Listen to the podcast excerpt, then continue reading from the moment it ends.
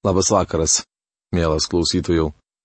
Šiandien toliau keliausime Biblijos puslapiai Senuoju testamentu Izaijo knyga. Laidą pradėsime 35 skyriaus apžvalgą. Tema - tūkstantmetės karalystės palaiminimai, karalystės aprašymas. Kaip pratę, paveskime savo mintis, paruoškime savo širdis, atidedami visus rūpeščius, visus vargus, kad galėtume išgirsti tos pamokymus, kuriuos Dievas šiandieną yra mums paruošęs. Dangiškasis tėve, mes dėkojame tau, kad tu įsaugojai iki mūsų dienų savo šventą įraštą, kad jisai yra pilnai užbaigtas ir tavo dvasios vedami, jos pagalba galime jį suprasti, suprasti tos tolimus ir dažnai mums nesuprantamus įvykius ir tinkamai pritaikyti juos šiandien savo gyvenime. Prašom, kad tu apšviestum mūsų protą ir mūsų širdis ir padėtum mums suprasti tai, ką šiandien esi mums paruošęs. Meldžiame Jėzaus vardu. Amen. Prieje šį skyrių galime dėkoti Dievui, kad Armagedono mūšiu viskas nesibaigs. 35 skyrius yra poezijos šedevras. Juo baigiama knygos dalis, kurioje buvo kalbama apie teismą. Teismo liepsnos užgeso, o teisingumo kalavijas gražintas į makštį. Žemės negandų vakaras baigėsi, išaušo šviesus tūkstantmetės karalystės rytas. Šios dalies pabaigoje mes pakylame į ramybės aukštumas.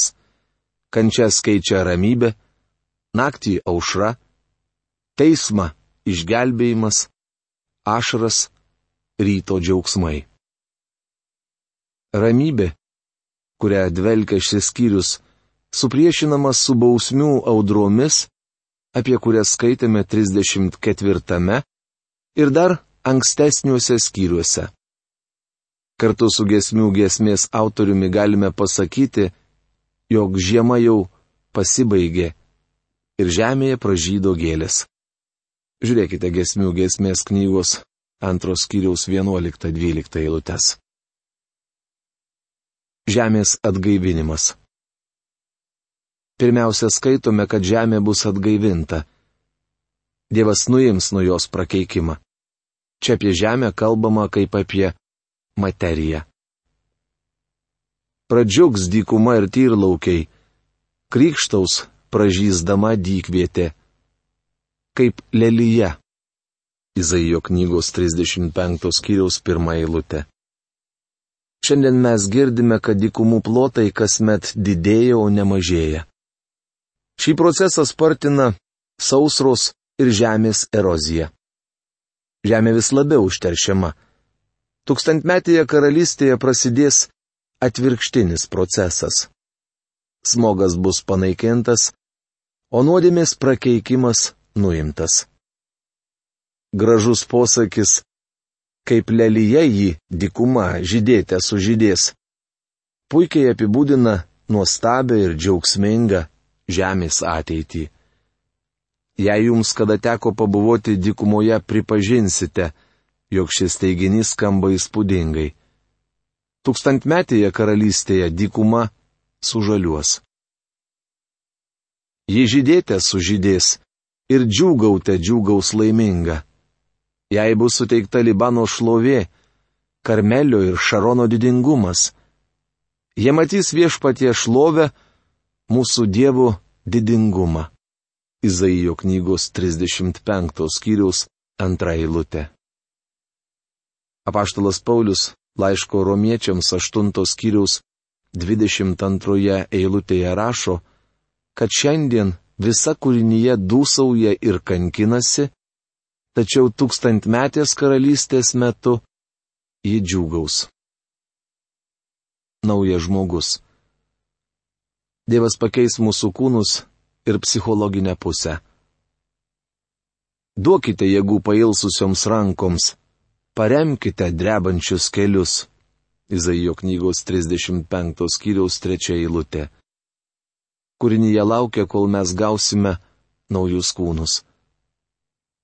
Sakykite tiems, kurių širdis baiminasi, būkite stiprus, nebijokite. Štai jūsų Dievas, jūsų kerštas ateina. Su baisiu atlyginimu jis ateina jūsų gelbėti. Izaijo knygos 35 skyriaus 4 eilutė. Dievo žmonės galės džiugauti teismo audros įkarštyje, žinodami, kad Dievas ateis jų išgelbėti. Bažnyčia turi džiaugsmingą viltį, jai neteks patirti didžiojo suspaudimo kančių. Tada kliesiems bus atmerktos akys, kurtiesiems atvertos ausys. Tada raišasis šokinės tartum elnes, dainuos iš džiaugsmo nebilio liežuvis. Dikumoje ištrykš vandens rovės. Tirlaukiuose tekės upės. Izaijo knygos 35 skyrius 5-6 eilutės. Lygos, negalios ir bet koks sielvartas yra žmogaus nuodėmės rezultatas. Karalystėje viso to nebus. Išdeginti smėlynai taps ežeru, ištroškusi žemė virs vandens šaltiniais. Kur šakalų guoliai, ten dygs žolė, žaliuos nendris, žels meldai. Ir vieškelis ten eis. Jis bus vadinamas šventuoju keliu kas netyras tas negalės juo eiti. Ištvirkeliai nesuklaidins tų, kurie juo žengia. Nebus ten jokio liūto, joks plėšrų žveris nesibastys. Ne vieno jų ten neužtiksi. Jo keliaus tik atpirktieji. Izaijo knygos 35 skyrius 7-9 eilutės. Štai tokia bus žemė karalystės laikais. Dievo namiškiai grįž į Sioną. Paskutinėje skyriaus eilutėje atskleidžiama žemės dvasia. Kitaip tariant, mes sužinome, kad žmogus bus atnaujintas dvasiškai. Kuriuos viešpats išlaisvino tie sugrįž ir įžengs į Sioną su giesme, vainikuoti amžinų džiaugsmu. Linksmumas ir džiaugsmas juos pasitiks. Pasibaigs vargas ir liudesys. Izaijo knygos 35 skyriaus 10 eilutė. Ar gali būti kas nuostabiau? Čia kalbama ne vien apie Izraelį, bet ir apie tuos atpirktuosius, kurie pasitiks tūkstantmetę karalystę žemėje. Zacharijo knygos 14 skyriaus 16-17 eilutėse skaitome. Likusieji gyvi tarp tautų, atžygiavusių prieš Jeruzalę, kasmet keliaus pagarbinti karaliaus galybių viešpaties ir švesti palapinių iškilmės. Jei kuri nors iš šeimų žemėje net keliautų pagarbinti karaliaus galybių viešpaties, ji negaus lietaus. Drauge su senuoju puritonu Richardu Baksteriu mes galime pasakyti, gelbėtojau, sugrįž greičiau. Nedelsk, kad gyvėjai neprarastų vilties. Neužtruk, kad žemė netaptų panašiai pragarą ir tavo bažnyčia nebūtų sutrinta į dulkes. Te ateina greičiau didžioji prisikelimo diena, kai kapai, priglaudę gendamybę jau virtusią dulkėmis, gražins tau šlovingas žvaigždes ir šviesulius. Tavo vieniša sužadėtinė kviečia ateik. Visa kūrinyje šaukia ateik, ateik viešpate Jėzau. Visa kūrinyje dūsauja ir kankinasi, laukdama, kada bus apreikšti Dievo vaikai. Tai baigiama pirmoji Izaijo knygos dalis ir tūkstantmetės karalystės palaiminimų aprašymas. Istorinė intermedija. Dabar skaitysime antrą Izaijo knygos dalį, kuri nepanaši nei tą, kurią jau nagrinėjome, nei trečią dalį, kurią dar studijuosime. Skaitydami šią knygos dalį iš pranašiškų aukštumų nusileidžiame į istorinę žemumas. Čia pasikeičia net kalbos forma. Poezija keičia proza. Pirmoje Izaijo knygos dalyje buvo kalbama apie Dievo valdžią ir jo teismo metodus. Paskutinėje dalyje prašoma Dievo malonė, tai yra išgelbėjimas vietoj teismo. Tarp tokių dviejų dalių įterpta ši istorinė intermedija, kurią sudaro keturi trumpi skyriai. Tikriausiai kyla klausimas, kodėl šie skyriai čia įterpti. Tai logiškas klausimas, reikalaujantis kruopštaus tyrimo. Nuoširdus žmogus be abejo ras atsakymą. Atsakydamas į šį klausimą paminėsiu kelis reikšmingus faktorius. Pirmasis. Istorija, kurią parašė šventosios dvasios įkvėpti žmonės ir pasaulietinė istorija yra du skirtingi dalykai. Dženningsas savo veikale Izaijo knygos studijos rašo. Dieviškoji istorija niekuomet nėra vien istorija arba paprastas pasakojimas apie praeities įvykius. Tai reiškia, kad istorijoje, kurią parašė šventosios dvasios įkvėpti žmonės, slypi svarbios dvasinės tiesos. Jas išvelgti galima tik tikėjimo akimis. Šventoji dvasia užrašiusi šią istoriją turi atskleisti mums dieviškus tikslus. Manau, tam yra kelios priežastys. A. Eiliniam istorikui aprašančiam didžiuosius pasaulio judėjimus, šie įvykiai gali pasirodyti banalūs, tačiau jie susiję su Dievo tauta. Dėl šios priežasties jie yra svarbus. B. Šiuose Izaijo knygos skyriuose rašoma, jog valdžia, kurią turėjo Asirija, perėjo Babilonui. Babilonas buvo pirmoji galinga pasaulio imperija ir jį kėlė didelę grėsmę Dievo tautai. Šios karalystės įsigalėjimu turėjo prasidėti laikotarpis, kurį mūsų viešpats pavadino pagonių laikais.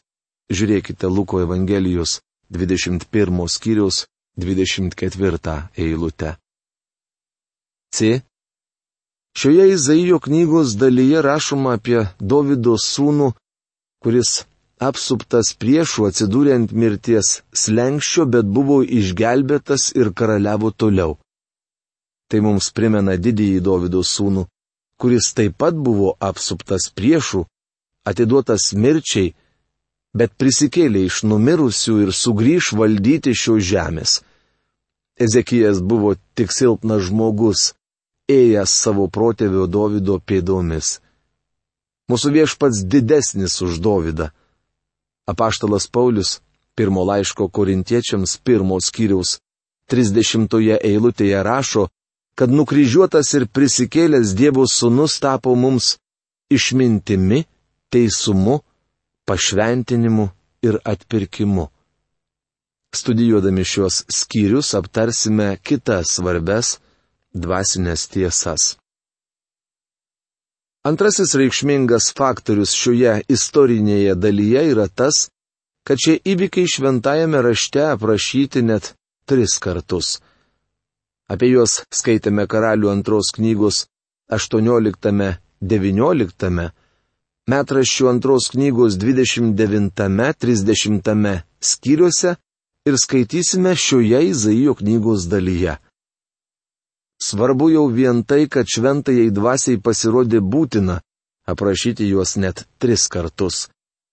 Pasakojimai nėra identiški, tačiau panašus.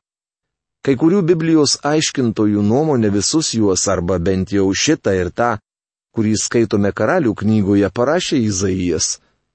Be abejo, šiuo epizodu Dievo dvasia nori perteikti mums kažkokią ypatingą tiesą, todėl neturėtume peržvelgti šių įvykių prabėgomis.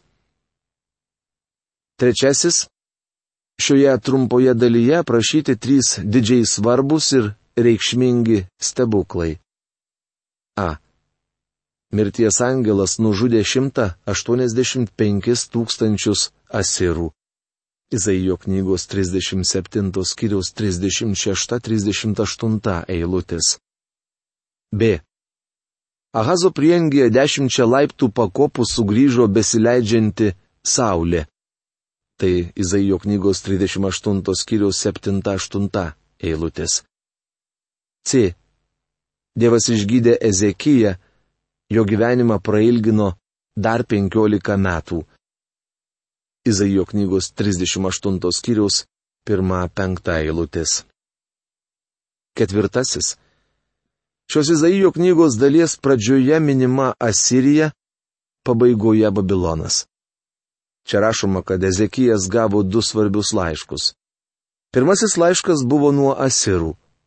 Ezekijas nunešė jį į viešpaties namus ir, atskleidęs, meldėsi Dievui.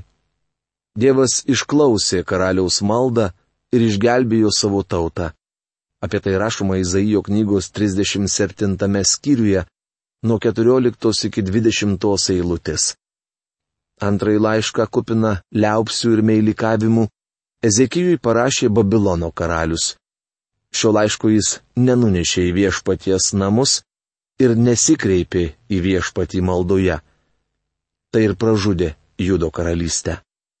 Apie tai skaitysime Izaijo knygos 39 skyriuje nuo 1 iki 8 eilutės. 36 skyriuje rašoma apie Asirijos karaliaus Angeribo antpuolį. 37 skyriuje aprašyta Ezekijo malda ir Asirų kariuomenės sunaikinimas. 38 skyriuje pasakojama apie Judo karaliaus lygą, maldą ir išgydymą. 39 skyriuje jam žinta Ezekijo kvailystė. 36 ir 37 skyriai. Tema - Ezekijas ir Asirija. Asirijos karalius Sanheribas atužė į šiaurės lyg viesulas nušluodamas nuo žemės paviršiaus viską, kas tik pasitaikė jo kelyje. Vienus miestus jis užėmė, kiti pasidavė patys. Įkveiptas pergalių jis atžygiavo prie Jeruzalės ir išrikiavo savo kariuomenę mūšiui. Sanheriba nustebino ir suglumino tai, kad Ezekijas nesiruošė pasiduoti ir buvo pasiryžęs priešintis. Asirijos karalius bandė išsiaiškinti, ar tik Ezekijas neturi kokio slapto ginklo. Jo įgaliotinis Rapšakė išjokė visas žinomas pagalbos priemonės, kurių galėjo imtis judo gyventojai. Jis įžuliai reikalavo besąlygiško pasidavimo. Skiriaus pabaigoje rašoma, kad rūmų prievaizdas Eliekimas, raštininkas Šebna ir raštinės viršininkas Joachas perdavė Asirijos karaliaus reikalavimus ir sąlygas Ezekijui. Asirija kesinasi užimti Jeruzalę. 14 karaliaus Ezekijo metais Asirijos karalius Sanheribas užpuolė visus įtvirtintuosius judo miestus ir paėmė juos. Izaijo knygos 36 skyriaus pirmą eilutę. Kaip prisimenate, Izaijas pranašo tarnavimą pradėjo karaliaus Uzijo mirties metais ir pranašavo Jotamo, Ahazo ir Ezekijo valdymo dienomis. Ezekijas buvo vienas iš penkių puikių judo karalių. Karaliaujant Asai, Jozapatui, Jehoašui, Ezekijui ir Jošijui, judo krašte vyko prabudimas. Ezekijas buvo iš tiesų nuostabus karalius metraščių antros knygos 29 skyriaus pirmoje antroje eilutėse rašoma. Ezekijas buvo 25 metų, kai tapo karaliumi, ir karaliavo Jeruzalėje 29 metus. Jo motina buvo Abija, Zacharijo duktė. Jis darė kas dora viešpaties akise, kai buvo daręs jo protėvis Dovydas. Nors Ezekijas buvo geras karalius, jis parodė savo silpnybę, bandydamas papirkti Sanheribą ir tokiu būdu išvengti Jeruzalės apsiausties. Apie tai rašoma karalių antroje knygoje, 18 skyriuje nuo 13 iki 16 eilutės. Jis nulupo nuo šventyklos auksą ir sidabrą, kad tik patenkintų didelius Asirijos karaliaus reikalavimus. Tačiau tai nepadėjo, nes Asirijos kariuomenė jau buvo apsupusi Jeruzalę. Kišis nedavė jokios naudos. Kaip matote, kišininkavimas anuomet nebuvo naujiena. Šią priemonę pasaulis naudoja ir šiandien. Nuo antrojo pasaulinio karo Junktinės Amerikos valstijos laikėsi apgailėtinos politikos ir už visagalius dolerius siekia įsigyti draugų visame pasaulyje. Ironiška, bet šiandien Amerika neturi daug bičiulių. Matote, draugų nenusipirksi.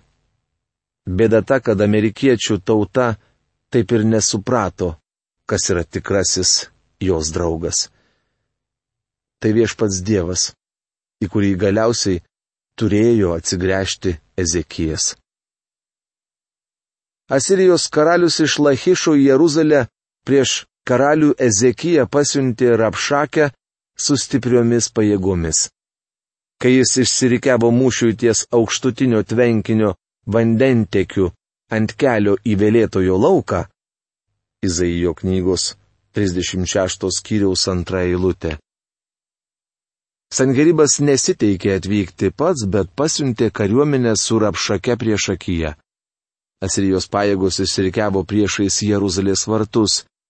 Generolas Rapšakė bandė įbauginti Ezekiją bei Jeruzalės gyventojus, kad šie pasiduotų. Ezekijas nusintė pas Rapšakę savo pasiuntinius.